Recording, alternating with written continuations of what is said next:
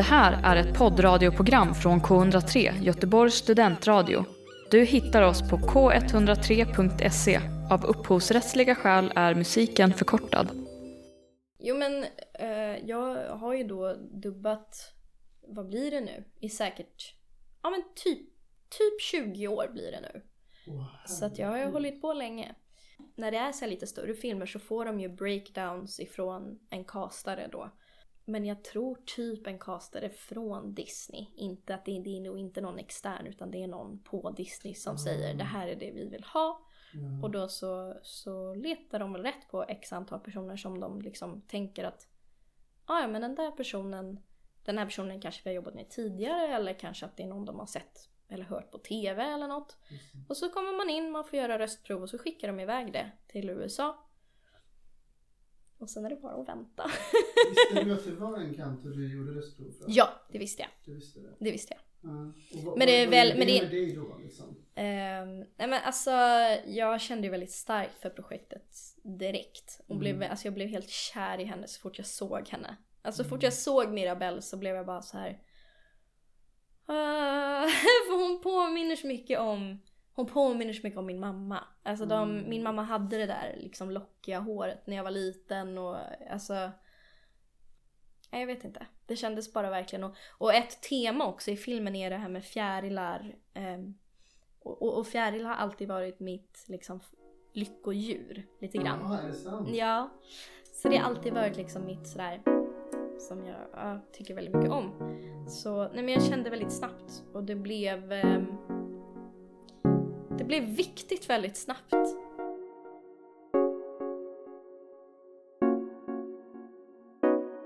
Välkommen till podcasten Äkta känner äkta, en podd om teater och film. Mitt namn är Marcus Standoft och dagens gäst heter Sandra. Hej! Hej Marcus! Vad Hur- kul! Hur mår du? Jo, jag mår bra. Mm. Absolut. Vi har, eh, vi har suttit och diskuterat mitt eh, hotellrum nu en stund innan vi satte igång här. Ja. Att det är ganska så här, det är ganska charmigt faktiskt. Det är väldigt charmigt. Och det är liksom, dels så har vi det att det har så fint snedtak och sen så har den väldigt, ja men väldigt eh, fin karaktärtapet. Som är också sån här, sån här modig grej som man aldrig skulle våga ha hemma. Men det ser supersnyggt ut. Ja, och det passar in här. Liksom. Verkligen, verkligen. Men eh, du, Sandra, vad har du, vad har du gjort i veckan? Oj! Eh, I veckan så har jag... I veckan? I veckan så har jag... Först så repade jag inför en föreställning jag ska vara med i. Som heter Från Aladdin till Elsa. Så det gjorde jag eh, måndag, tisdag. Men måndagen blev lite så... lite knasig för det var ju det här snökaoset. Ah, Så att vår, ja, precis. Så vår, eh, vi skulle ha musikaliskt rep, men vår kapellmästare kunde liksom inte ta sig in för det var så mycket snö. Eh, så då fick vi, då fick ensemblen repa själva, men vi var faktiskt ganska duktiga. Vi körde på faktiskt nästan hela dagen fastän vi var själva, så det var bra. Eh, och sen så har jag haft Ja, jag dubbade lite onsdag och torsdag. Och sen nu i helgen så har jag faktiskt julpyntat. Ah, du har gjort det. Det gjorde jag faktiskt igår kväll innan jag åkte till, eller jag åkte till Stockholm idag, men igår så flög liksom julstjärnan upp. Men berätta lite, vad har du julpyntat med? Eh, ja men jag, under året så har jag faktiskt varit hemma hos mina föräldrar en del och gått igenom så här gamla kartonger och grejer från när man var liten. Och då hittade jag liksom men, saker, typ så julkort som jag har fått och någon liten bok om tomten typ. Så att dels ehm, så tyckte jag liksom var kul att försöka inkorporera de här sakerna i det som är liksom min pyntning nu i mitt vuxna hem. Ja. Så det kändes väldigt fint. Så ja, men lite liksom sådana sådär grejer som jag faktiskt inte har sett på jättelänge liksom. Så det känns lite kul att ha framme och sen så fick jag lite som hobby under pandemin att bygga såna här små typ modellhus. Eh, som eh, ja, man kan köpa som ett kit liksom. Och då kan man köpa om man vill göra ett bibliotek eller om man vill göra en restaurang eller ja, vad det nu kan vara. Och då köpte jag några olika som ser ut som, ja men bara typ ett lantligt kök eller en, ett lantligt bibliotek liksom. Och så bygger man ihop dem från scratch, varenda liten liksom eh, liten bok har man vikt ihop alla sidorna och sådär. Så de står nu också, och de, det var då jultema på dem som jag valde. Så nu står de i fönstret uppe också, så har de en liten sån eh, switch så att de lyser lite också. Ja oh, men shit, men det låter också som ett så här evighetsprojekt. men, men jag ser också framför mig som att det är typ, du vet, eh, när gamla farbröder sitter vet med så här glasögon och så sitter de och håller på med någon mast till ett sånt där gigantiskt Nej, det är exakt skepp. det. Ja, det, är, Det är det, fast liksom små hus. Men de är, alltså de är kanske så här, vad blir det? En decimeter hög typ. Och en och en halv decimeter liksom bred. Ja. Va, alltså hur kom du på det här? Det här ska jag göra liksom. Nej men, jag, men alltså, som så många så kände man att oj, jag skulle behöva ha en hobby. Det har jag aldrig haft liksom. På det sättet, någonting som är helt orelaterat till allt liksom som man eh, tycker är kul i övrigt. Eh, som också råkar vara ens jobb. eh, nej men det var bara någon kompis som, som tipsade mig och sa åh nej men jag och min syster har börjat bygga ett sånt där tillsammans. Det skulle du nog tycka var jättekul. Och så bara körde jag. Ja, men då måste du ha extremt bra tålamod tänker jag. Mm. Man, man skulle kunna tro det. Ja men det är små, små jo, jo men absolut, jo men det har jag. Det har jag. Ehm, annars tenderar jag att vilja att saker, ja men jag tror att det är det som är grejen. För att I övrigt liksom så tenderar jag att vilja att saker ska gå fort. Liksom det ska gå snabbt. Så jag tror att det här är en sån där motpol. Som liksom, ja, eftersom att det är någonting liksom helt annat. Så, så, så tillåter jag det på något sätt att vara någonting som får ta tid. Ja. Oj vad filosofiskt Nej men det, det lät ashärligt. Men hur länge sitter du liksom varje gång? Är det tio minuter? Ja, är det tio minuter stöten? Nej, nej, det blir nog, alltså det blir nog ändå några timmar. Kan man lyssna på podd till exempel man samtidigt, jättemysigt. Ehm, jag har en annan podd också förutom den här podden som jag lyssnar på. som heter När man talar om trollen. Ja, Eh. inte.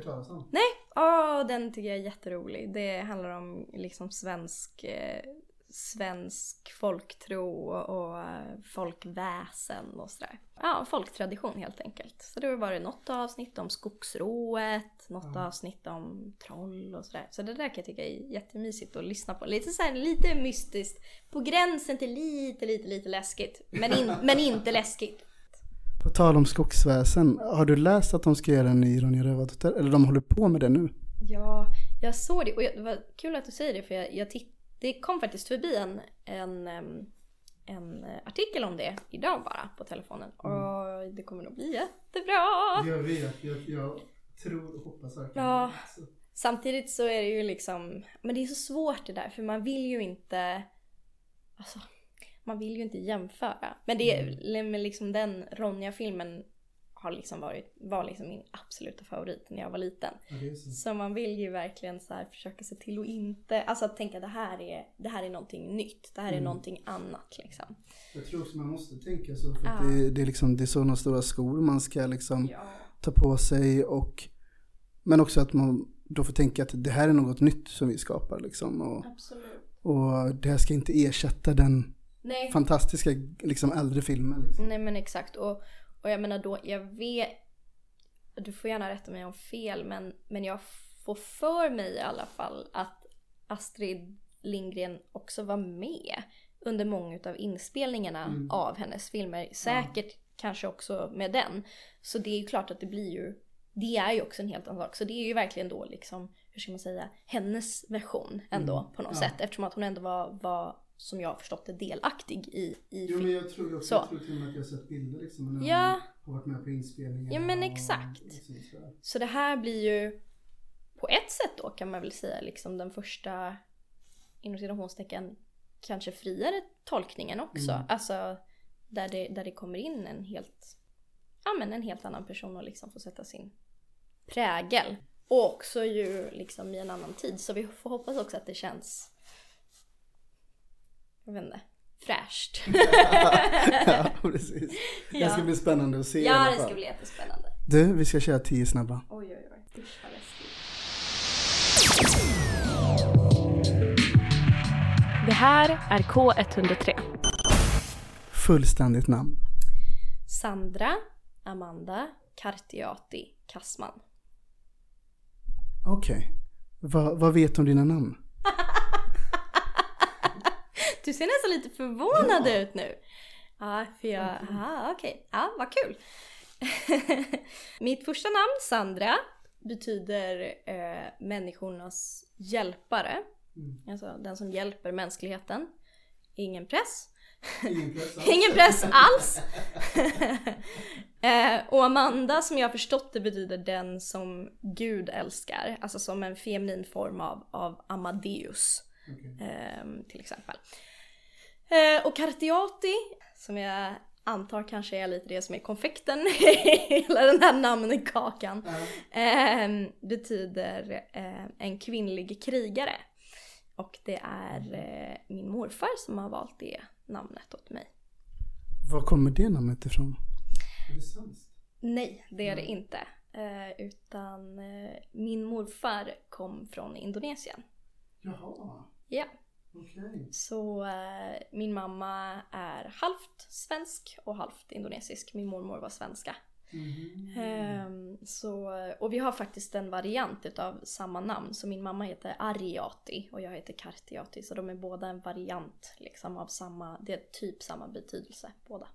Men mina namn har alltid betytt, nej men de har betytt väldigt mycket för mig. Och speciellt också mitt indonesiska namn har jag alltid liksom, men det har betytt väldigt mycket för mig för att det är väl eh, en av de få saker som ja, men speglar mitt ursprung. För att det, eh, och det här är också faktiskt ganska nytt för mig, eh, att prata om det här. Eh, för att jag, alltså det syns ju inte på mig att jag har något annat påbrå. Det var därför jag blev så liksom Ja. chockad när du sa dina namn. Ja, precis. Eh, och det, alltså...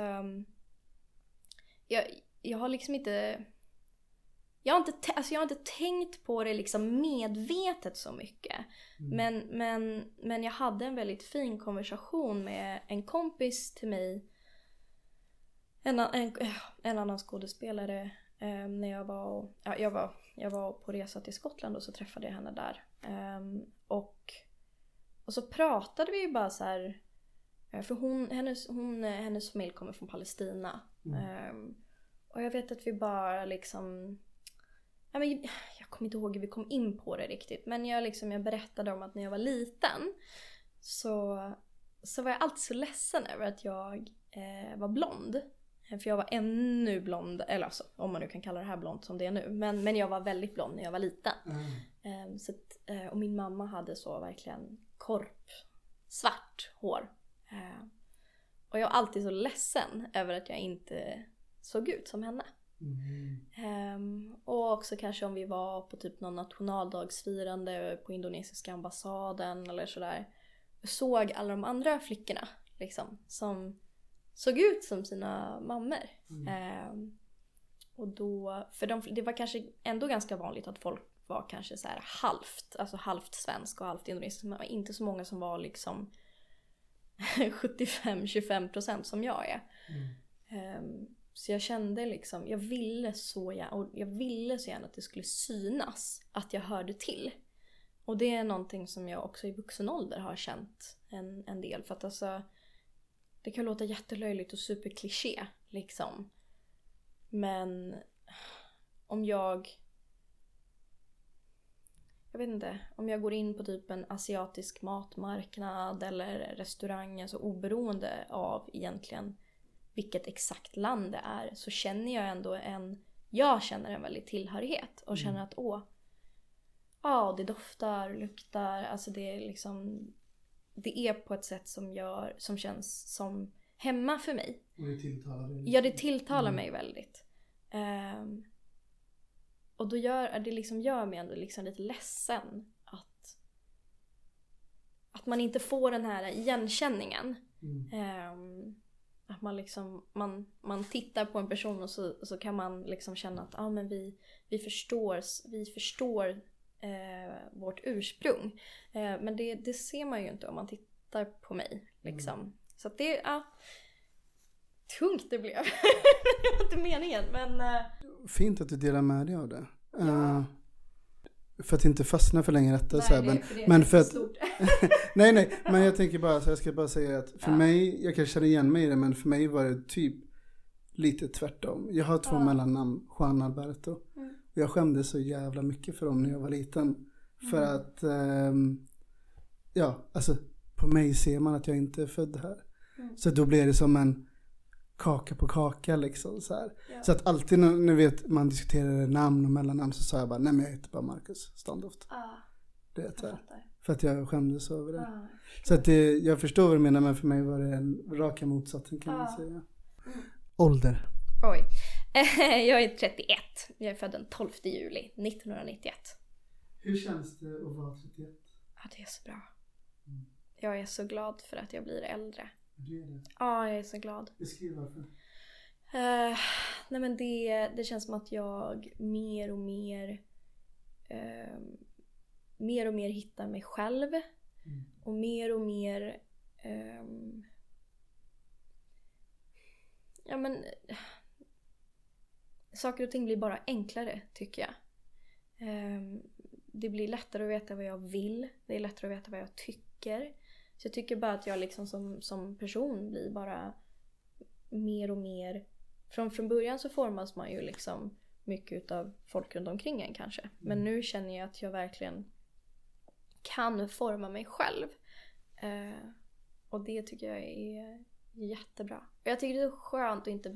Alltså jag har aldrig, jag har aldrig varit cool på något sätt. Eller liksom så här, jag har varit, jag har varit ganska så här, utanför i skolan och sådär. Men, men mer bara att jag nu känner att nu behöver jag heller liksom inte vara cool för att så här, vara okej. Utan nu, nu, nu kan man vara lite löjlig och man kan vara lite liksom nördig. Och, och det är liksom, vem bryr sig? Det är ingen som bryr sig. Framförallt tänker jag också att så med åldern så inser man nog också så här att vad är cool? Och vem, best, vem bestämmer men att någon eller något är coolt? Nej men Liksom verkligen. Absolut. Det- Nej, absolut. Och det, och det är väl också just det. att Det bestämmer ju jag Ja. nu. Ja, exakt. Så det... Men det, det kan jag hålla med om att det är verkligen en, en befrielse. ja. Vart gick senaste resan? Senaste resan, eh, det, det var till Skottland. Eh, och jag åkte tillsammans med min sambo Axel. Mm. Mm. Så vi åkte i maj och så var vi borta en vecka. Vad gjorde ni där? Vi, dels så har jag bott i Edinburgh, jag har jobbat där Mm. eh, en, vän, eh, en, en period. Så jag har bott där i typ tre månader. Eh, och jag blev total förälskad. Och bara, åh jag älskar det. Jag tyckte det var fantastiskt. Människorna var så trevliga. Och jag, innan det så hade, jag bott, hade jag bott i London som är väldigt, enligt min mening, en väldigt kall, liksom inte särskilt trevlig plats tycker jag. Mm. Eh, så Skottland blev liksom bara så här: wow! alla är så snälla! Och alla är så trevliga! Och någonting med också bara naturen som gör att det liksom vibrerar lite extra. Mm. Det var som att jag hamnade på en plats där det, där det var liksom rätt frekvens för mig. Så jag är lite så här, mm, kanske att jag har bott här någon gång tidigare. Just det, just det. Ehm, men, så att vi, vi, nej men vi skulle, vad heter det, vi hade sagt så här, men okej vi vill åka någonstans när man liksom kan börja resa igen. Mm. Och Axel har aldrig varit i Skottland och sa men gud det är dit vi måste resa. Eh, och då blev det så. Ja. Men det här är så kul för att jag och min vän Lukas, ingenting står skrivet i stenen, men vi har så här snicksnackat lite om bara fan ska vi inte dra till Skottland? Det hade varit så jävla nice. Så nu får du guida oss lite här. Vad ska man göra om man åker till Skottland? Ah, oj, oj, oj, oj, oj. Nej men så här, jag tror att man verkligen måste tänka att för att se inom citationstecken allt Mm. det kommer man inte kunna göra. Liksom. Utan man, man Mm. måste säga okej vi ska se det här, det här, det här. Eh, för man vill också ha, man vill inte vara så... tänker på en sån här... Eh, du vet i den här ett päron till farsa. För att dra en, alltså ett superstereotyp så vill man ju inte vara en amerikansk turist. som är så här, eh, 10 minuter här, 10 Ja, minuter där, 10 Nej, utan man vill ju kunna liksom insupa atmosfären. Ja, och det ska landa. Ja. ja, ja. Ja men exakt. Så jag tycker att det är smidigt att flyga till Edinburgh. Eh, och där, liksom man vill ju ha någon eller några dagar i alla fall och liksom upptäcka själva stan och kanske gå och shoppa lite liksom i de här små affärerna och liksom titta på roliga, roliga liksom kanske antikviteter eller vad man nu gillar. Sen så gjorde vi så, vårt, eh, vi hade två mål den här resan. Den ena var att ta oss till Loch Ness. Så vi hyrde faktiskt bil var andra dag, så åkte vi upp och liksom via Loch Ness. Ehm, och så vi fick se det och så åkte vi förbi Inverness, vissa stannar där vi kände så här, mm, det, liksom, det, är en, det är en stad. Och vi kände att nej, vi vill mer se natur. Men så att liksom naturen runt där, runt Loch Ness och upp mot Inverness och liksom förbi. Det är helt enastående. Alltså det är verkligen, det känns som att man är mitt i Sagan om ringen. Alltså Ja. verkligen och bergväggen är liksom här. Nej men det är helt fantastiskt. Och sen så åkte vi vidare ut till Isle of Sky och tittade där. Där har de såna här liksom riktiga klippor som bara liksom rasar rakt ner. Ja men exakt. Vilken var den senaste filmen? Oh, det här visste jag att du skulle säga. Så att nu så här kände jag att jag var att jag skulle preppa lite. en jävligt bra film. Ja, eller hur? Eh, Exakt, någonting som kändes kreddigt. Eh, mm, nej, men eh, så den senaste filmen jag såg var faktiskt Miraklet. Eh, som, eller The Wonder som den, den heter. Den, ja, en Netflix-film. Handlar om ehm, en engelsk sjuksköterska som åker upp till Irland för att undersöka ett fall med en flicka som inte äter. Jag såg den här igår kväll. Nämen! Jag såg den Nej! Jo! Nej! den? I morse och jag Aha. typ ångrar mig lite att jag såg den för jag tyckte den var så obehaglig. vet, den var jätteobehaglig. Och det... det är lite synd för att jag vet att jag såg den inte speciellt koncentrerat. Jag höll på med massa annat, gick runt i lägenheten. Ja. Och du vet, jag tror att den måste man verkligen... Ja, nej men man måste nog verkligen liksom sitta och verkligen titta. Ehm, och det, alltså så här. Ja. Det var snyggt. Och det var coolt. Och det var tragiskt. Som du ska vara om du ska vara credit, typ. Mm. Ehm, ja, jag vet inte vad jag ska säga mer. Jag, jag känner så att nej, det gav mig ingenting. Jag har lite svårt för det här med att liksom saker och ting bara ska vara jag vet inte, mörkt och liksom tragiskt och jag, sen, sen var det, alltså spoiler, men sen så liksom hade den ju inom citationstecken ett lyckligt slut. Men vad var det? Kanske 2% av hela filmen som var liksom lycklig. Jag såg inte ens klart den. Nej jag förstår det. Eh, för, jag, för grejen är att jag slutade faktiskt. Och så Ja. satte jag på en annan tv-serie så här, Mm. Och så kände jag så här, nej men gud nu var det för jobbigt, jag vill inte se mer. Och sen så bara, ah, nej men vad fasen. Nej, jag måste ju se hur det slutar liksom. Så då sappade jag tillbaka och tittade liksom klart. Och det var ju bra för det var ju som sagt lyckligt slut. Men Mm. ja. Ja, jag fattar. Paradrätt. Oj. Lagar du mycket mat? Jag har gjort det i omgångar. Eh, så alltså när jag har bott på ett ställe där det har funnits liksom, för jag har flyttat runt ganska mycket. Ehm, då har jag ju liksom lagat mat för att det ska vara ekonomiskt. Ehm, och sådär. Men paradrätt, ja. Ja men jag gör en typ fake asiatisk lax i ugn. Så att ehm, då brukar jag, om man har en ugnsfast form, och så lägger man det brukar ju vara fyra stycken laxar som man får i ett sånt här paket. Så lägger man det.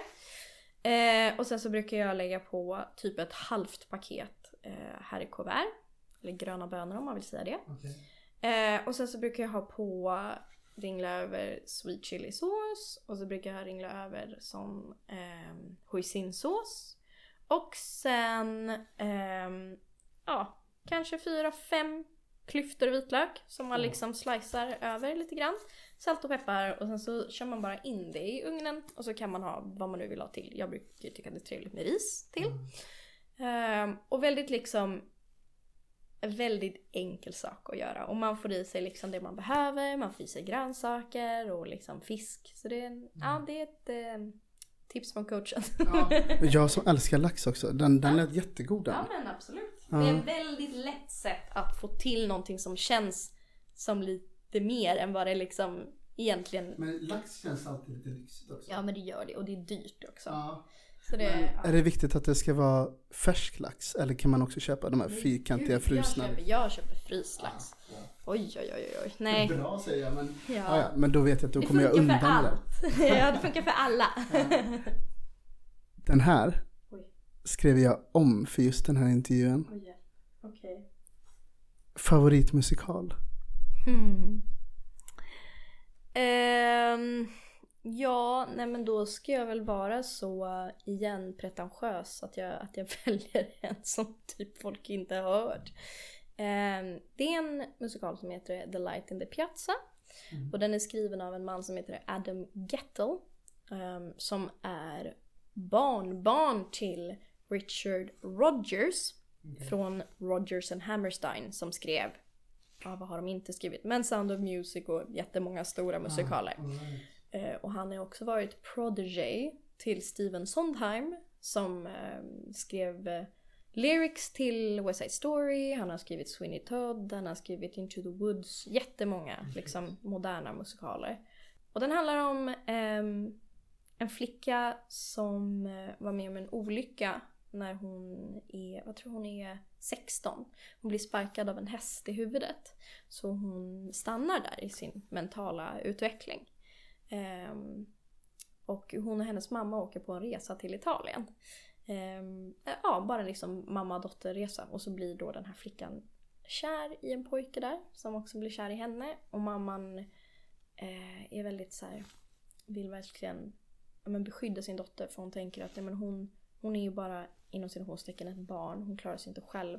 Och de förstår inte att hon, hon ser ut som att hon är typ 21 men eller och det är hon ju också. Men, men hon är ju inte det och liksom tänk när de får reda på hur det egentligen är och så. Så det är lite det, är lite det där liksom eh, ens förälders vilja att verkligen skydda sitt barn till varje pris men också när ja, att man kanske måste släppa taget liksom. Ehm, ehm, ja, och att kärleken liksom inte den förstår inte alltså vad ska man säga olikheter och den ser liksom, den ser liksom bortom allt. Just det. Ja, så den är, ja, den är väldigt fin. Men har du sett den här? Nej, det har jag inte för den, den sätts upp väldigt, alltså den sätts upp väldigt sällan. Ja. Eh, och den är liksom inte så, så känd sådär. Um, alltså jag har ju sett den på typ YouTube Ja, liksom. ja, Ehm, Och sen så Men det har varit en del utav den repertoaren som jag har sjungit också när jag har gått i skolan och sådär. Den lät jättebra tycker jag. Den, den, eh, och det som är så coolt också är att han då, pojken som hon blir kär i, Fabrizio, han pratar bara italienska, alltså de första halvtimmen kanske utav Mm. föreställningen. Och det är ju ingen liksom översättning. Så att om man, som, om man sitter i publiken och kan italienska, ja då förstår man ju. Men om man inte gör det så då har man samma upplevelse som, Just det. ja så det är faktiskt Ah, väldigt coolt. wow. Ja. Häftigt. Vad är viktigt för dig för att just du ska må bra? Men jag tror lite det som vi var inne på tidigare. Att eh, nu när man har blivit äldre så kan man liksom forma sig själv. Ehm, och jag tror det är att verkligen liksom försöka lyssna på, lyssna in vad jag verkligen tycker om någonting. Och att verkligen vara noga med att, att lyssna på också kanske kroppens signaler och liksom om man kanske, vad vet jag, får ont i en axel så här bara helt plötsligt. Och vad kan det bero på? Hmm, det kanske var okej. Hur ser min situation ut just nu? Är det någonting som är jobbigt eller liksom så att man, alltså att bli det är viktigt för mig att liksom tuna in. För jag, och det är också någonting som jag liksom har kommit på, eller kom, ja, men i alla fall blivit medveten om senare i livet. För att jag har kört på väldigt mycket och bara varit liksom ångvält rakt fram. Eh, och haft en väldigt liksom pride i att jag på något sätt orkar vad som helst och klarar vad som helst. Um, har nog varit liksom inte så snäll mot mig själv och då i förlängningen inte varit så snäll mot andra i det att jag har tyckt att ehm, ja men att inte liksom jobba med den eh, arbetsdisciplin liksom, eller arbetsmoralen som jag har haft. Alltså att, som ju egentligen har varit ganska knäpp och liksom för mycket. Mm. Um, så har jag liksom tyckt att folk har varit så här, men gud, orkar du inte det där? Eller orkar du inte det? Eller, och, och där har jag nog kunnat vara ganska oskön. Um, um, sen vet jag inte hur öppen jag har varit. Eller sen vet jag inte liksom hur mycket det har märkt. Men jag har nog varit lite sådär att jag har känt en väldigt liksom så här, Ja, det var en väldigt stor del av min person. Att jag var den som alltid orkade. Jag var den som aldrig liksom backade ner och, och, och liksom... Um, men nu är det väldigt viktigt att så här, ja, nej, jag måste verkligen lyssna och känna mm. efter. Och det har ju också gjort att jag liksom blir mycket mera ja, men förstående vad det gäller andra också på så sätt. Men då undrar jag, för att det är en sak att liksom veta om att det här är viktigt för mig. Men är du bra på det? Att lyssna på dig själv liksom?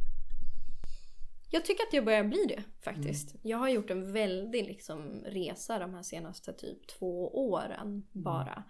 För jag tror att som för så många andra i och med corona så blev jag liksom tvungen att stanna upp. Jag slutade ett kontrakt, vad var det, sista februari och kom hem första mars 2020 precis när allting brakade loss. Mm. Och då har jag inte typ egentligen pausat sen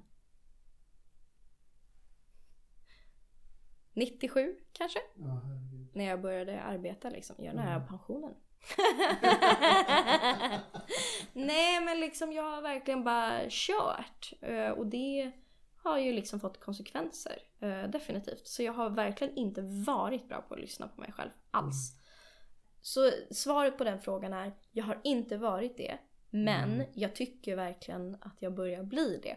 Och om man nu får säga det om sig själv så tycker jag att jag har gjort en, en väldigt radikal liksom jag har ju, äh, det har blivit en väldigt radikal skiftning. Mm. Um, så jag känner att det är liksom och det är också därför som jag tycker om att liksom bli äldre också för jag känner att jag ja men nu har jag liksom jag har, jag har pondusen i mitt eget liv att säga så här: nej Alltså hur vill jag vara? Jag vill mm. vara så här, okej. Okay. Vad krävs för att jag ska vara så? Och så vidare. Ja. Mm. Jättefint svar. Vilken dröm är ännu inte uppfylld? Alltså jag skulle ju så gärna vilja vara med i någon, liksom ett riktigt kostymdrama. Mm. Det är på film eller tv-serie, mm. spelar ingen roll. Det är en sån här superdröm. Det, ja, det skulle jag så gärna vilja göra. Jag undrar bara, görs det mycket sånt? Alltså det känns ju som att det görs väldigt mycket i Storbritannien. Mm, ja. eh, så. I Sverige... Ja, kanske inte riktigt lika mycket men vi har ändå haft de här, du vet, de här eh, Fröken Fridmans krig ja, det var det första jag tänkte på nu. Så, mm, ja. Eller hur? Tyckte du om den? Ja, jag tyckte det var jättebra. Mm. Ja, men för att jag blev så här nu också. Nu tänkte jag bara i Sverige men du, du jobbar på engelska också liksom? Ja, absolut. Ah. Så det, ja vi får se. Mm. Kanske. Men eh, det, det är nog liksom, ja. Vilket yrke tror du att du hade haft om du inte hade jobbat med det du gör idag? Mm. Det har fluktuerat ganska mycket vad jag har sagt under åren. Mm. Eh, från början så eh, ville jag eh, från början ville jag hålla på och bygga flygplan. Jag vet inte varför jag hade fått för mig det. Jaha. Men jag tyckte bara att det lät alltså, coolt. Ja, ja. ja. Eh, nej, men min morfar var ingenjör och, och arkitekt. Eh, så det kanske hade någonting med att, ja, någonting med det kanske. Men eh, nu så har jag två grejer som är lite så här, oh, eh, tycker jag låter väldigt spännande. Det ena är ju då folk som eh, kommunicerar med djur. Ah. Det är någonting som jag liksom ah, går och tänker på ganska mycket för jag tycker det verkar så himla coolt. Um... Men finns det liksom en skola i det eller alltså, är det, det något man... medium typ ja, utbildningar. Ja. Det finns ju så här typ Svenska mediumskolan. Ja, och det finns ju många som håller på med, med energiterapi och sånt där eh, också överlag. Som ju många kanske tycker är flummen som jag, jag, jag Du går igång på? Ja, Mm. absolut. Helt. Det skulle jag också tycka var roligt, eventuellt. Och kanske lära mig mer om energiterapi. Mm. Och liksom kanske få hjälpa folk lite som har blockeringar och sådär. För jag känner att jag själv har blivit eh, väldigt hjälpt. Mm. Ehm, när, när det liksom... Allt, alltså, allting tar ju väldigt lång tid i öppenvården. Så är det ju. Mm. Ehm, och det tog väldigt lång tid för mig att få bli tagen på allvar ordentligt liksom. Ehm, och, och bli väldigt, väldigt lämnad till, till mig själv. Ehm, kände jag. Så jag kände mig ganska sviken flera gånger uh, utav vården. Ehm, men men då, då lyckligt nog så hittade jag eh, en, en, en energiterapeut som har hjälpt mig fantastiskt mycket.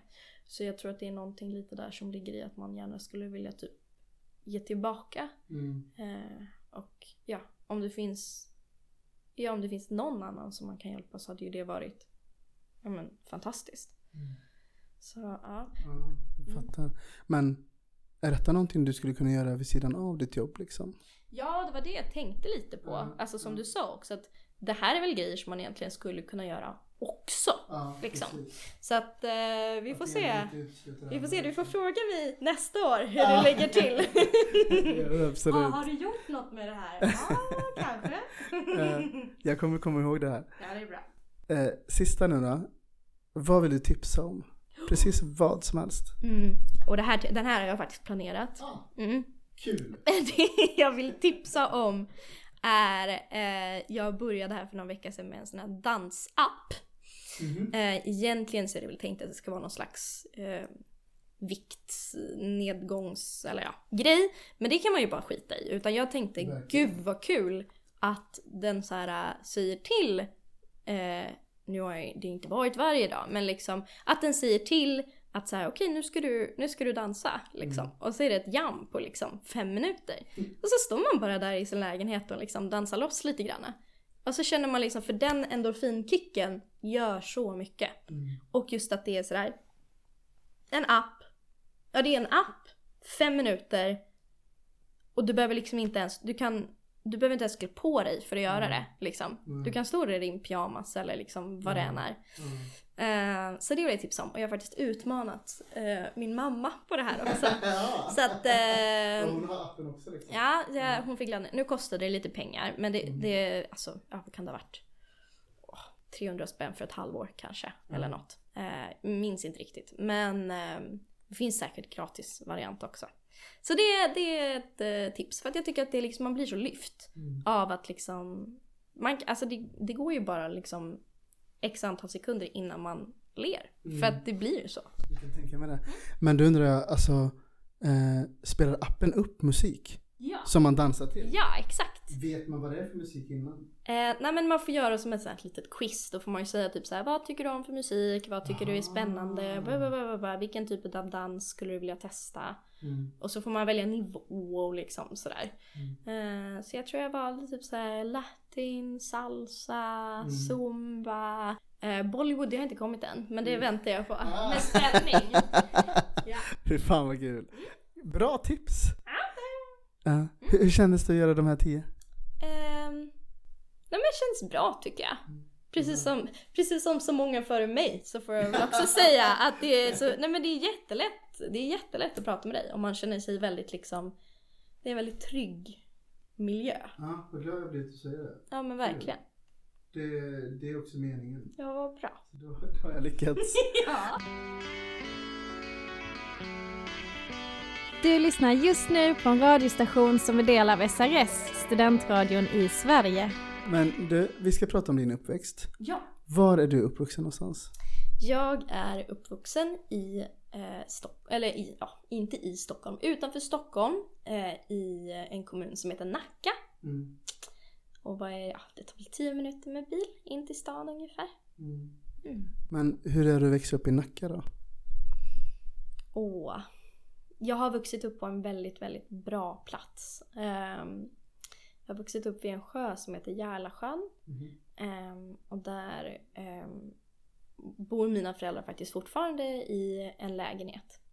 Ehm, så de bor i samma hus Alltså som jag har bott, vi, först bodde vi i, alltså det är ett lägenhetshus då. Mm. Först bodde vi i en tvåa när jag var liten. Så vi bodde väldigt litet, jag, mamma och pappa. Och sen så har de flyttat ner till en lite större lägenhet nu. Men det är liksom, ja.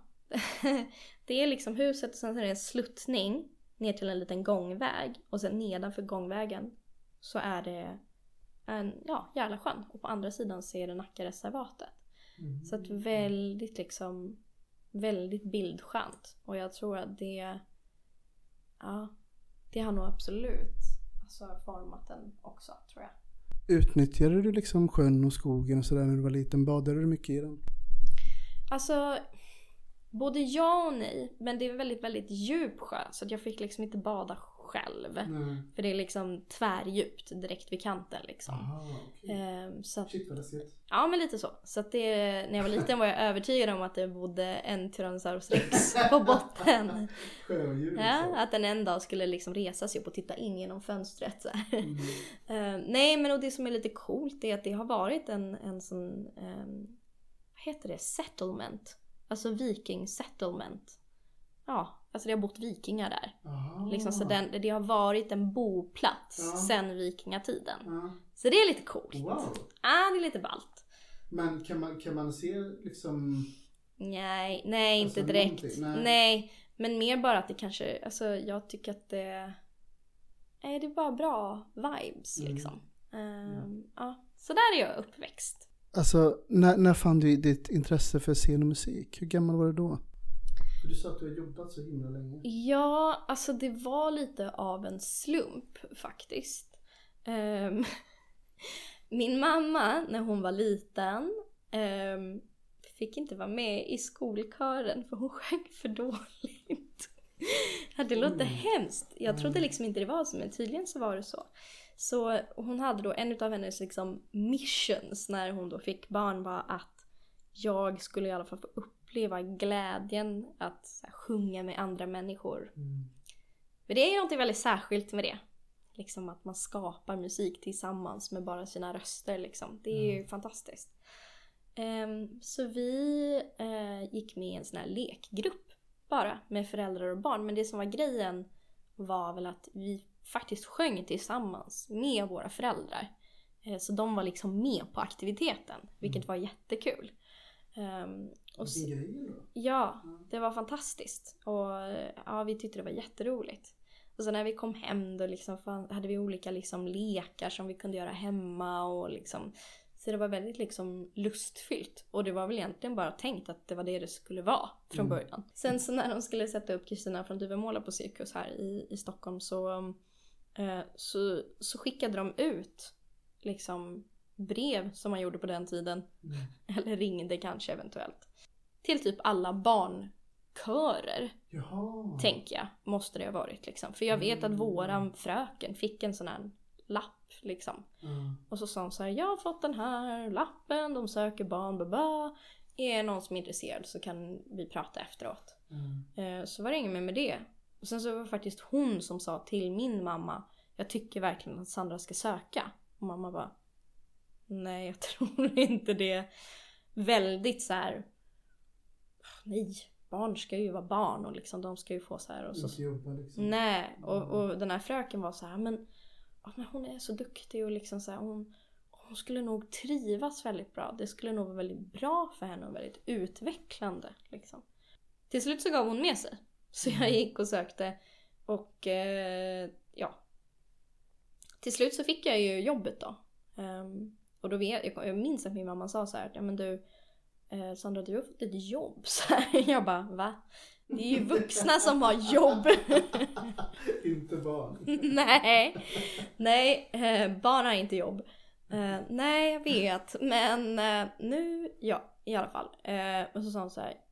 Men vet du vad? För hon kände ju också, eller hon kände, det kan jag inte säga, men jag antar att hon också kände att hon ville inte stå i vägen för någonting. Mm. Om det liksom var så här att det här skulle vara världens grej för mig som jag skulle tycka var jättekul. Mm.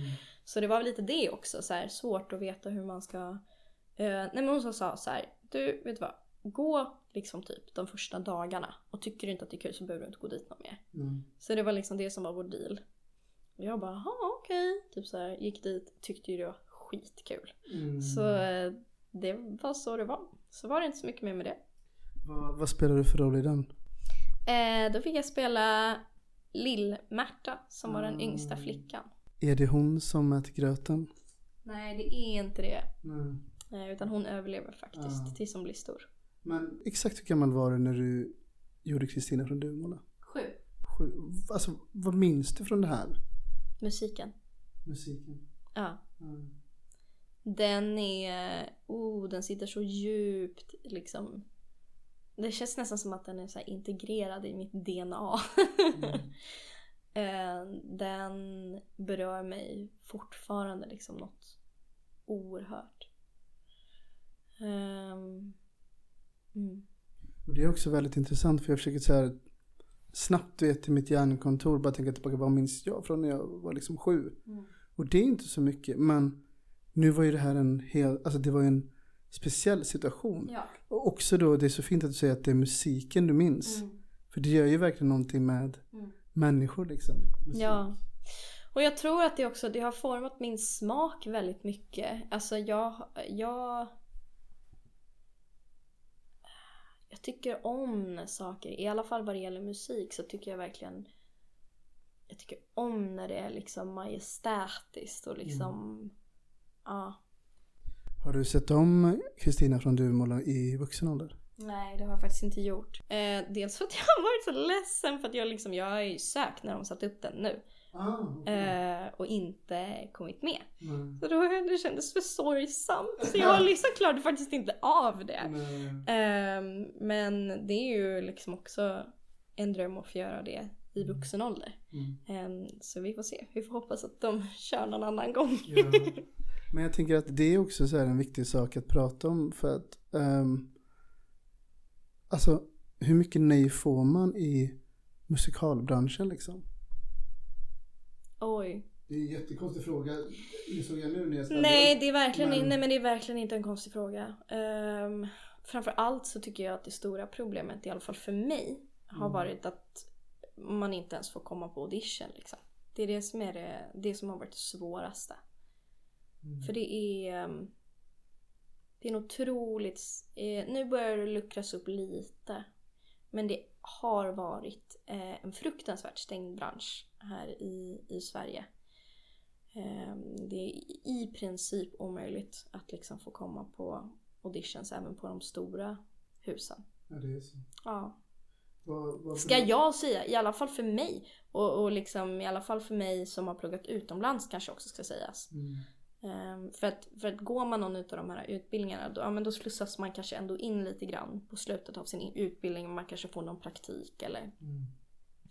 Men för mig har det varit jätte, jättesvårt verkligen. Mm. Ehm, ja.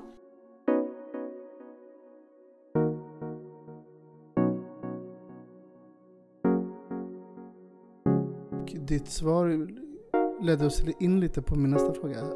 Vi har skrivit här, du har utbildat dig både i Sverige, USA, men också England. Stämmer det? Ja, det, det är sant. Alltså, vad är skillnaden mellan utbildningarna och finns det någon skillnad? Oj. Liksom. Ehm, alltså... Lite, jag har nog lite svårt att svara på det för att eh, utbildningen som jag gjorde i, ehm, i Sverige Mm. Ehm, Jag har gått lite olika men den som var liksom mer typ musikal här Mm. eh, var eh, hur ska man säga, den, den liksom grundades för att vara som en systerskola till den skolan som jag sen gick på i England. Så man jobbade väldigt mycket efter samma devis eh, som, som jag sen gjorde när jag kom till London. Eh, men jag, jag kan tycka att alltså, och i USA var det väldigt mycket sådär armbåga sig fram. Det var inte så att man typ kunde anmäla sig till en kurs. Man var tvungen att liksom gå och snacka med läraren. Och det var väldigt annorlunda tyckte jag. Okej.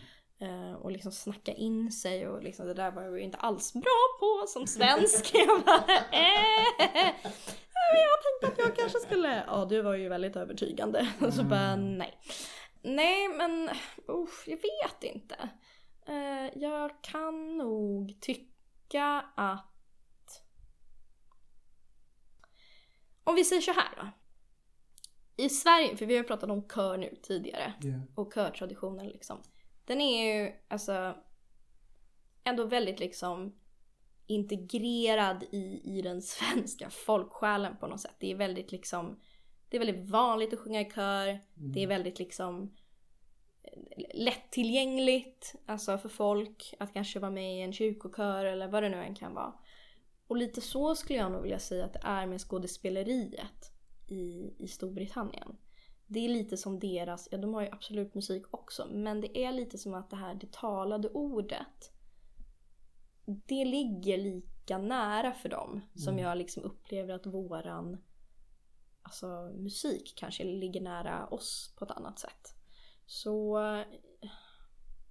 För det, det är ju liksom en, en annan kultur där med att det är så vanligt med så här amatörteater att vuxna liksom. Mm. Det är inte så vanligt här. I alla fall inte vad jag, som jag har förstått det. Ehm, och det... Ja, nej, men man ser det nog bara på ett lite annat sätt. Mm. Ehm, och att det är... Man, man har, det är inte så långt, alltså steget dit är inte så långt liksom. Spännande svar. Ska jag berätta en hemlis? Jag berättar. Eh, jag gick i gosskör när jag var liten. Ah, du ser! Eh, eh, och jag vet att, som förmodligen alla mammor säger, men du vet mitt barn har så fin röst. Jag vet inte ifall hon sa så, men, men hon i alla fall försökte få mig att ta privatlektioner i sång. Och hon ställde mig på liksom någon sån här lista eh, i lilla, lilla Ulricehamn. Det är bara att när jag, när jag var längst fram i den kön, Mm. som tog flera år, Mm. då gick jag i nian och sa aldrig livet. Du bara nej! nej! Eh, Men jag har faktiskt eh, gått en kvällskurs i popkör nu i höst. Nej vad roligt och vad glad jag blir! Alltså verkligen jätteglad. Vad kul! Är det ro- eller har- trivs du? Ja, men det var Ja. alltså, fruktansvärt läskigt första gången. Du vet, jag såg framför mig också så här, när jag anmälde mig till det här, okej men popkör. Så här, jag, jag är ingen musikalartist, eller jag är ingen artist, jag tänker inte bli det heller, men Nej. jag älskar att sjunga. Ja. och så här och vill bli bättre på det. Ja. Så jag anmäler mig. Och ser framför mig då, du vet så här att ah, det kommer vara en 30, 40, 50 pers plus den som leder. Så jag kan ändå gömma mig lite, det är lugnt. Så jag kommer dit i slutet av augusti, kommer dit till Ja. det här stället. Och det är 13 stycken där. ja. 14 med mig och jag är den andra killen. Det gick inte att gömma sig någonstans. Nej, så var det med det. Ja. Äsch då. Men det är bra ju. Det är bra att kasta sig ut lite. Och, och rösten har ju också en otroligt liksom läkande kraft. Mm. Ehm, så det, nej, all, jag tycker alla ska sjunga. Ja, men det, det var verkligen en upplevelse. Men du, hur, mycket, hur många år har du lagt på utbildning egentligen? Oj, oj, oj. Det är mycket faktiskt. Um, jag, alltså, jag har ju gått grundskola och gymnasium som de flesta andra, jag höll på att säga alla andra, de flesta andra. Ehm, och eh, då gick jag i musikklass eh, från fyran till nian och sen så gick jag musikgymnasium efter det. Eh, och sen efter det så då pluggade jag i USA i ett år, eh, musik. Eh, och då fick jag också verkligen alltså, fördjupa mina kunskaper som Alltså verkligen som musiker också för jag fick studera orkestrering, jag fick studera harmonilära, arrangering. Så att jag har ändå liksom, och det är jag väldigt glad för, att jag har ändå liksom en, en förståelse för musik som kanske skiljer sig från, från om man, vad vet jag, kanske bara har pluggat musikal till exempel. Jag vet inte.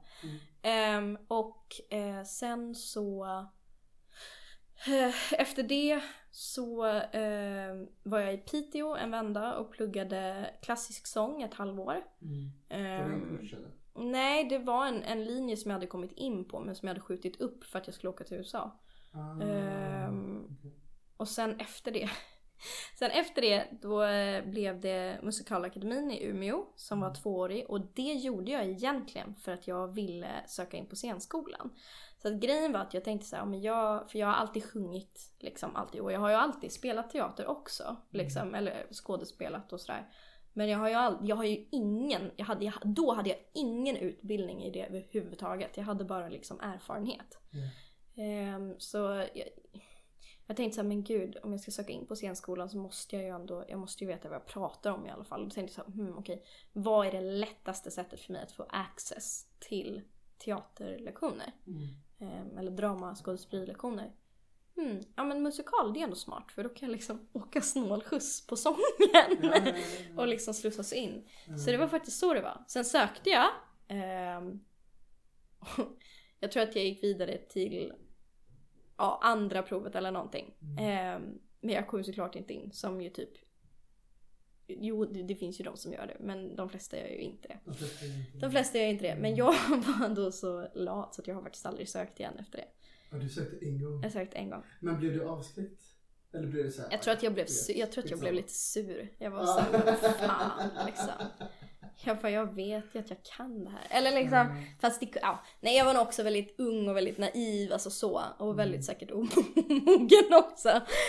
Ehm, Men ja, och efter det då så ehm, har jag pluggat eh, ett år master i London då. ehm, på Royal Academy of Music. Och det var en, en musikalutbildning, absolut. Eh, Men i England så säger man bara att man är, you're an actor. Liksom. Och Man gör inte skillnad på om man liksom, Jaha, vad spännande. ja så att, och, det, och det, det var faktiskt en grej som jag tänkte på nu när du frågade mm, vad är skillnaden eller inte. Alltså att när man tänker på skådespeleri, eh, det är liksom, det finns ett sätt. Och det eller hur ska vi säga, det är liksom, det är ingen skillnad på om du ska sen sjunga liksom. också. Ja, Nej, precis. Utan, eh, så om man är musikalartist så säger man inte musical theatre performer, alltså det kanske man gör någon gång. Men you're an actor, alltså primarily. Ja, ja, Det är ja. det man är. Eh, och det känner jag väl också är det som har resonerat mest med mig. Ehm, jag ser mig som skådespelare och sångerska. Eh, ett utav medierna som jag har jobbat mycket i är musikal. Eh, absolut. Men egentligen så uppskattar jag ju konstformerna kanske mest i sin renare form. Eh, så att det här med musikal, eh, det har väl kanske egentligen varit lite mer a means, a means to an end. Alltså, ja. Så. Eh, så att absolut inget fel om man vill kalla sig musikalartist men jag känner bara att det är inte jag. Liksom, utan jag, nej, jag är skådespelare eh, och sångare. Det här är K103, Göteborgs studentradio. Följ oss på Facebook eller Instagram. Vi hörs! Du har ju dubbat hur mycket som helst. Du har ju dubbat alltså produktioner från Netflix, SVT, Disney. Och ett av dina senaste jobb, det är ju huvudrollen Mirabelle i Disney-filmen Encanto. Kan du berätta, hur fick du det här? Jo men eh, jag har ju då dubbat, vad blir det nu? I säkert, ja men typ, typ 20 år blir det nu. Så att jag har ju hållit på länge. När det är så lite större filmer så får de ju breakdowns ifrån en castare då. Men jag tror typ en castare från Disney. Inte att det, det är nog inte någon extern utan det är någon på Disney som säger det här är det vi vill ha. Och då så, så letar de väl rätt på x antal personer som de liksom tänker att "Ah, ja men den där personen, den här personen kanske vi har jobbat med tidigare eller kanske att det är någon de har sett eller hört på TV eller något. Och så kommer man in, man får göra röstprov och så skickar de iväg det till USA. Och sen är det bara att vänta. Visste du att det var Encanto du gjorde röstprov för? ja, det visste jag. Du visste det? Det visste jag. Men Men det är väl- men det- med dig då liksom? Ehm, nej men alltså, jag kände ju väldigt starkt för projektet direkt. Och blev, alltså jag blev helt kär i henne så fort jag såg henne. Alltså så fort jag såg Mirabelle så blev jag bara så här. "Ah", för hon påminner så mycket om hon påminner så mycket om min mamma. Alltså de, min mamma hade det där liksom lockiga håret när jag var liten och alltså Nej, jag vet inte. Det kändes bara verkligen. Och, och ett tema också i filmen är det här med fjärilar. ehm, och, och, och fjärilar har alltid varit mitt liksom, lyckodjur. Lite grann. Ja, är det sant? Ja. Så det har alltid varit liksom mitt sådär som jag ja, tycker väldigt mycket om. Så nej, men jag kände väldigt snabbt och det blev ehm, det blev viktigt väldigt snabbt. Jag Ehm, förstår det. Ja, Ja. för jag kände så starkt för det så jag var så nervös och jag var så rädd. Och jag tror att jag fick vänta två eller tre månader i alla fall. Så det var länge jag fick Men vänta. hur man, ett röstprov? Ja, Du fick komma in flera gånger? nej jag fick göra ett. Okej. Ja. Så det var en väldigt lång väntan. Så varenda gång, du vet, varenda gång telefonen plingar till, äh men oj, oj, Ja, oj. ja, jag vet Ja, precis. du vet precis hur det är. Så det var, jag- ja. Nu har jag inte provat för en Disney-film men jag vet precis när man går och väntar på ett viktigt samtal Mm. för en roll. Så. mm. Men, och hur, hur löd det här samtalet när de väl ringde efter två, tre månader? Och de var så glada. De var så glada.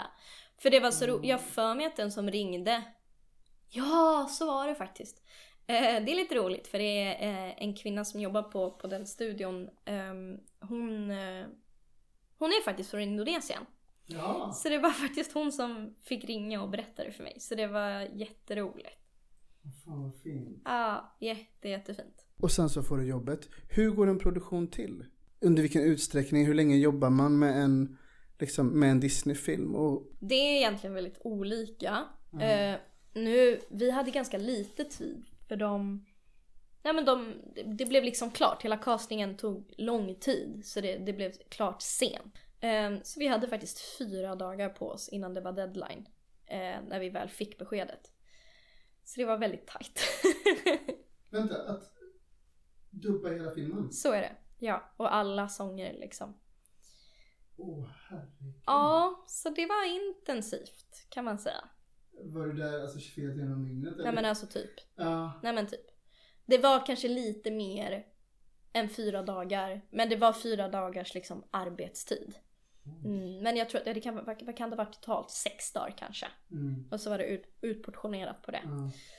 Och jag var så rädd för det var också under liksom under pandemin. Så mina föräldrar fick skjutsa mig liksom fram. De är pensionärer tack och lov. Så de, de fick skjutsa mig fram och tillbaka från studion för att jag skulle så här, minimera risken Ja, för, för att, att liksom, sjuk, liksom. ja. Och jag, jag var som gud, vad gör jag om jag blir sjuk? Vad gör vi då? Vad händer då? Ah! Men varför liksom, eh, varför så få dagar? Vad var det som var så bråttom? Nej men jag tror bara, liksom ja, ja, jag tror bara att det var ett svårt pussel för dem att lägga av någon Mm. anledning. Mm. Eh, som det kan vara ibland. Ja. För det, det är ju verkligen ett pussel. Det är så, här, ska det vara den där men den passade inte ihop med den och ska det där vara den mamman så blir den Just där det. för ung eller för gammal eller uh. Så det var liksom, jag tror att det var bara ett, för det är ändå ganska många karaktärer. ehm, som är, som är liksom, hela familjen, det, det måste ju kännas rätt. Att alla ska funka som en enhet. Mm. Så jag tror nog bara att det var det. Att det liksom, det tog tid att hitta rätt. Eh, Så då var det så här, nu är det nu! så jag vet att de på studion var så här, de satt, de satt och väntade så här bara Vi har ju redan bestämt oss, de ska bara bestämma sig där borta nu. Liksom. Mm. För de hade redan bestämt sig och tyckte att det är så här vi vill ha det. Liksom. Mm. Så de väntade på, på USA. Ja, jag fattar. Men kan du beskriva en, hur kunde en sån arbetsdag se ut liksom? Du kommer dit på morgon, tidig morgon kan jag tänka mig. Men jag sa nog ändå också så att jag, jag började inte jobba eh, innan 10 för att jag skulle liksom kunna sova ordentligt. Så att jag skulle kunna, för nu visste jag att jag skulle sjunga också så då ville jag gärna värma upp lite innan. Och sådär och liksom hinna äta frukost ordentligt och liksom inte vara i hets. Men kanske att vi spelade in Ja, tre timmar på förmiddagen och tre timmar på eftermiddagen. Någonting sånt. Mm. Och så var det lite då uppdelat för att det var ju svårt för dem att liksom, att, att regissören skulle ha tid och liksom sådär. Några pass gjorde jag med han som var regissör för talet och sen så några gjorde jag med han som var, men vad ska man säga, typ musical director. Mm. Cool. som jag spelade in all musik med, ja, all sång med. Ehm, och det var, ja det var också supercoolt. Jag fick jobb, han som var eh, Johan Leidemyr var det som var eh, regissör för tal och eh, Jocke Jennefors var music director. Han har gjort så mycket och han sjunger så fruktansvärt bra. Eh, han har bland annat gjort Quasimodo. Eh, ja. Ah. Han är, nej men alltså han är legend, verkligen. Mm. Eh, och så fruktansvärt musikalisk. En av de få personer som jag tror kan vara alltså lika, ja men verkligen lika, hur ska jag säga, alltså perfektionistisk som jag själv. Mm. Men det är ju en sak att vara det gentemot sig själv.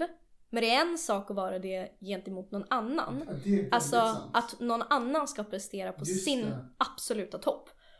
Och vet du, jag tyckte det var så skönt. Mm. För att jag kände att då kunde jag bara köra. Jag behövde inte vara quality control. Utan det var han som var det. Ja, Så jag kunde bara fokusera på att göra min grej. Och jag visste så här, om det var något, om jag hade gjort en tagning så bara, "Ah, den där tonen tyckte inte jag var så bra, kanske jag tänkte. Och sen så här, ja, eh, vi gör det där en gång, skitbra vi gör det en gång till. Och alltid jätteuppmuntrande och positivt. Så att verkligen inte så här, gör utan verkligen bara upplyftande och bara, och så tänker du lite på den där grejen. Mm. Och jag bara, det var exakt det. Så då, och så då kunde jag verkligen bara släppa och bara köra. För att jag kunde verkligen lämna över ansvaret och det var så skönt. Kunde det också bli sån där ifall han liksom så här regissören säger okej men det, den var perfekt. Medan du känner att så här, ah fast kan jag inte få testa det här också? Fanns det tid för det? Absolut. Det, var, det, det kanske var någon sån. Det var någon gång när jag sa liksom, "Ja, men den där skulle jag kunna göra lite lite bättre. Men alltså i princip, så fort han var nöjd så var jag också nöjd. Så det var jätteskönt, verkligen. Jag måste bara berätta det här. Jag minns att för ja, snart ett år sedan är det. Då sitter jag hemma hos pappa i Ulricehamn. Vi har på Kalanka på liksom ehm, eh, på tvn. Och jag är typ den enda i familjen som sitter liksom varenda gång det är julafton så sitter jag och kollar på Kalanka Just för att också se, jag älskar Disneyfilmer. För att se vilken blir det här årets Disneyfilm. Och så sitter jag där och så visar de liksom en kanto. Och jag vet att jag var så här. Wow, vad är det här? Jag minns att jag blev så tagen av liksom att det var så fint animerat och liksom och just och att den utspelar sig i Colombia då liksom. Jag bara blev så och jag såg fram emot den så mycket och sen när jag såg den var jag helt liksom tagen. Så vad, vad kände du själv när du såg filmen för första gången? Och jag grät. Gjorde du det? Ja, ja verkligen. Ehm, och jag kände också så här, åh jag önskar verkligen liksom typ eh, jag önskar liksom att min mormor och morfar hade kunnat vara där och se det men de har båda gått bort sedan ganska länge. Och sådär. Men det, ja, nej, men det var väldigt känslosamt. Och väldigt mycket liksom det här, ja men hela familjetemat det är ju så Det är ju så starkt. Och man, eh, man blir så berörd. Och Jag tycker att det är en fantastisk historia och vad jag vet så är det här första gången som man visar flyktingar på animerad film. Mm. Alltså jag tror inte det har gjorts förut. Jag tror inte det heller. Nej, så det är väl någonting också som jag känner mig väldigt stolt över. Mm. Och att liksom... Klyschigt men sant. Det finns ju liksom inga... I krig så finns det inga vinnare. Bara förlorare liksom. Ehm, och det är också väldigt sådär... Det är lite det jag menar, alltså det är lite det jag tänker, om man nu ska, om man nu ska ta en, en super... Ja. Om man tänker en kanto som ju tar upp ämnen som är tunga och svåra. Mm. Men målet på något sätt känns ju ändå i att lämna liksom åskådaren med någon form av känsla av hopp. Liksom. Mm. Eh, och en, en större förståelse kanske för andra människor och, och så vidare. Det är ju säkert lite samma tanke som var i den här filmen som vi pratade om i början. The Wonder. Mm. Liksom... Men i The Wonder så liksom är det bara hemskt. Typ. 2% lyckligt. Nej men liksom, det, nej, men det är bara så här intressant hur man kan, man kan ta upp någonting som är svårt och jobbigt att prata om. Som nu, tack gode gud, så har ingen i min familj har liksom varit, blivit berörd av krig på något sätt. På, alltså nära. Men jag menar, det är fortfarande någonting som liksom berör många människor och som det är viktigt att många har en förståelse för. Ehm, Och som tyvärr alltid är aktuellt. Alltså, alltid aktuellt. det, Ehm, och och jag menar bara att man kan ja, man kan närma sig saker på olika sätt. Mm. Och jag tror att jag är lite så här anti det här supersvarta. För att jag vet inte, jag tycker inte att det ger i alla fall mig någonting. Mm. Alltså jag tycker inte att det får, för så man tänker liksom att Ja men vi som kulturarbetare liksom, with great power comes great responsibility. Och det är liksom, vad, vilka historier vill vi berätta? Vad vill vi inspirera till? Ja. Och att det är liksom, det, det på något sätt känns som att man vill, man, eller jag tycker i alla fall att man vill lyfta människor och liksom ge dem kraft att förändra och göra saker. Mm. Istället för att de ska bli mer ledsna av att titta på någonting. Eller, sen kan det ju Mm. absolut vara så att man fungerar olika som människor. Vissa behöver de här katalysatorerna för att liksom kunna gråta. Eller för att kunna känna sig ledsna. Medan jag som är väldigt liksom en, en superkänslomänniska. Jag har ju det hela tiden i alla fall.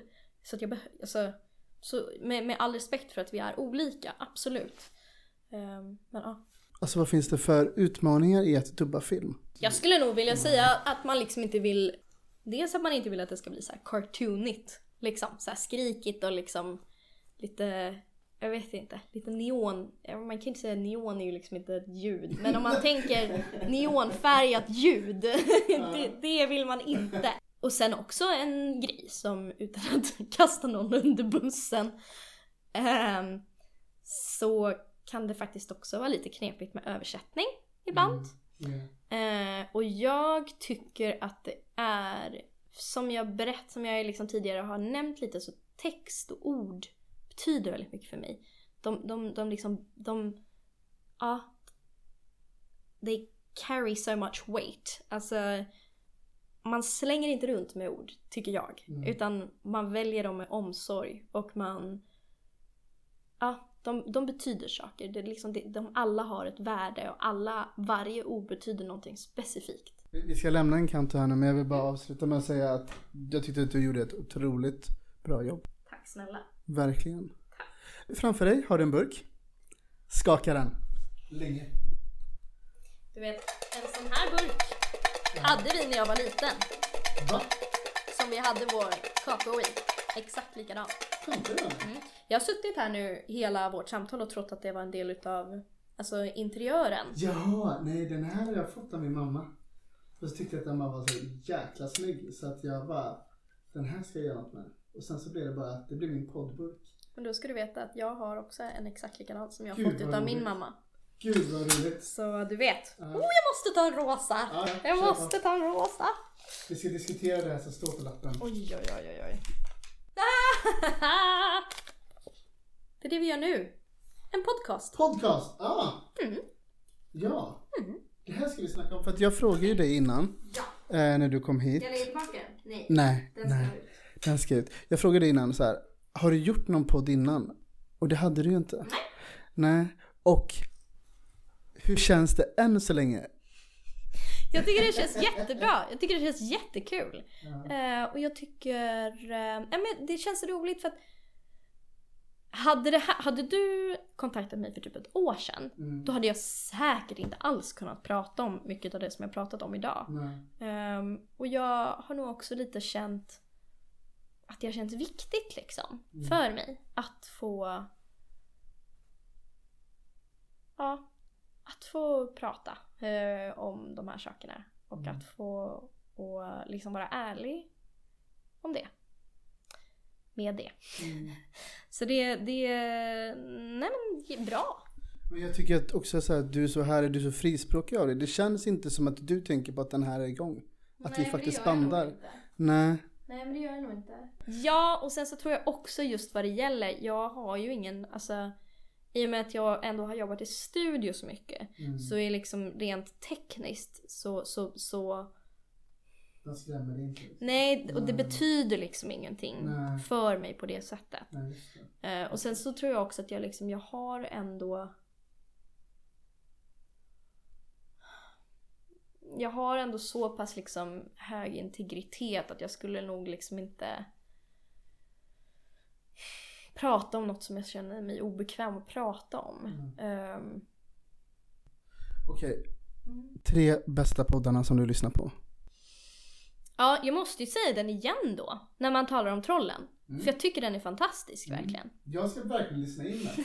Den låter mysig, också lite Ja, läskig. ja lite läskigt. Men, ja. Ja. Eh, och sen... Alltså som sagt, nu har jag ju lyssnat jättemycket på den här podden. Så att jag Ja. får nästan säga den. Faktiskt. Ja, Så det har jag faktiskt gjort. Nej, nej men det tycker jag inte. Och sen har ehm, min, en jättegod vän till mig Camilla heter hon, som jag bodde tillsammans med när jag bodde i, i Köpenhamn. Eh, hon har hållit på med, med, med podcast och så här ganska länge. Och hon, eh, men hon har gjort lite olika grejer och hon, eh, hon har haft, eh, hon har pratat väldigt mycket om eh, introverta och hur det är att vara introvert. Eh, och sådär. Men nu har hon en podd som heter, den är på danska då, då men den heter F far för till. Eh, och det handlar om hennes resa att eh, försöka bli gravid med IVF. Ehm, Samtidigt som hon eh, är tillsammans med sitt livs kärlek. Men han vill inte ha fler barn. Så hon skaffar barn själv. Eh, så det är en väldigt speciell ehm, podd. Alltså både för mig personligt eh, och liksom överhuvudtaget. Är, hon är fantastiskt duktig och hon är fantastiskt öppen och liksom hon är en väldigt klok person. Ehm, och har lärt mig väldigt mycket vad det gäller att liksom vara hon har verkligen hjälpt mig i att liksom bli mer förstående mot andra och att liksom ja, ehm, att inte tänka att bara för att jag gör så här så betyder det så här och så betyder det likadant för någon annan. Hon har varit väldigt, väldigt duktig på att förklara för mig att nej, det behöver verkligen inte vara så. Alla är olika liksom. Ja, och liksom Mm. saker och ting betyder inte samma saker för alla liksom. Nej. Sen, nu vet jag att jag redan har sagt tre, men Du får se en fjärde. jag måste nästan Kör, göra det Eh, min älskade sambo Axel har en podcast som Aha. heter Spela roll. Eh, som han har med sina kompisar där de spelar eh, Dungeons and Dragons. Så det är en rollspelspodd. Ja. Eh, så jag måste ju faktiskt nämna den också. I och med att den spelas faktiskt in i mitt, i mitt hem ganska frekvent. Ja! Har du varit med i? Nej, för jag, jag, har inte, nej, jag har inte lärt mig riktigt hur det där går till än. Så det, men jag är lite sugen så vi får se. Okej, men fan vad grymt. De sätter alltså upp en mick och så eh, kör en rollspel. Ja, Runt kring den här micken liksom. Ja. Som att den inte är där. ja, Och så släpper de det som ett avsnitt. ja. Wow. Mm. Så spela roll heter den. Ja. Mm. Sista frågan då. Oj. Mm. Mhm. Det har gått så här, men så är det. Vad har du att se fram emot ett år framöver? Får jag vara lite filosofisk? Du får vara vad du vill. Det är ditt avsnitt här. Mm. Jag tycker att eh, det här, den här hösten har varit lite svår. Mm. Ehm, på grund utav det liksom politiska klimatet som råder i vårt älskade faktiskt land. Mm. Ehm, och det gör mig fruktansvärt ledsen. Ehm, jag... För första gången också det här ehm, valet eh, valde att vara öppen med att jag röstade på sossarna eh, och eh, tyckte det kändes väldigt viktigt. Ehm, att ta ställning ehm, emot vad jag bara tycker är inhumant. Eh, och en fruktansvärd människosyn. och ehm, som så många andra ändå hoppas jag fortfarande. Men det är det som känns läskigt. Jag vet inte om man kan säga så längre. Men jag hoppas det.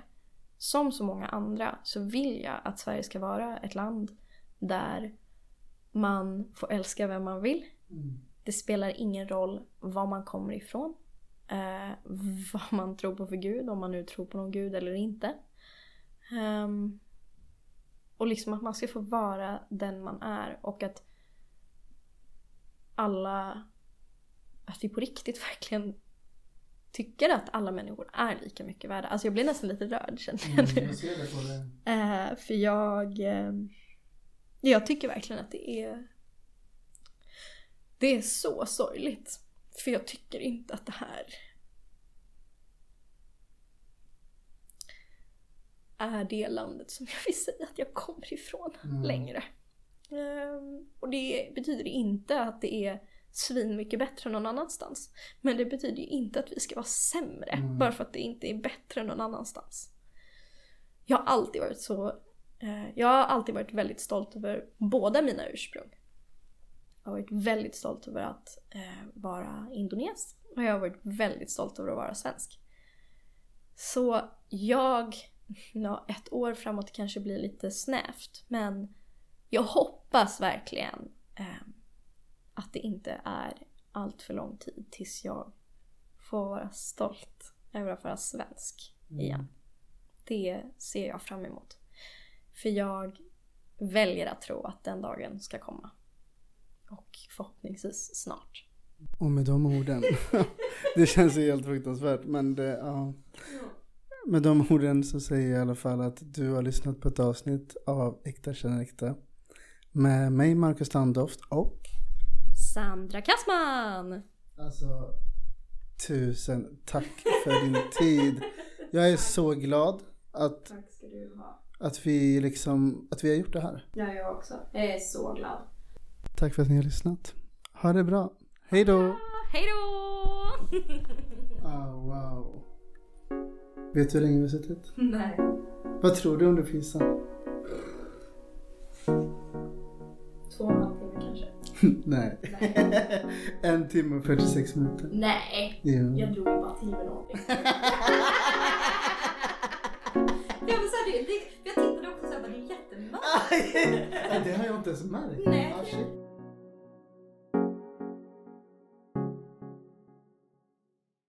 Du har hört en poddradioversion av ett program från K103. Alla våra program hittar du på k103.se. Följ oss gärna på Facebook eller på Instagram. Vi hörs!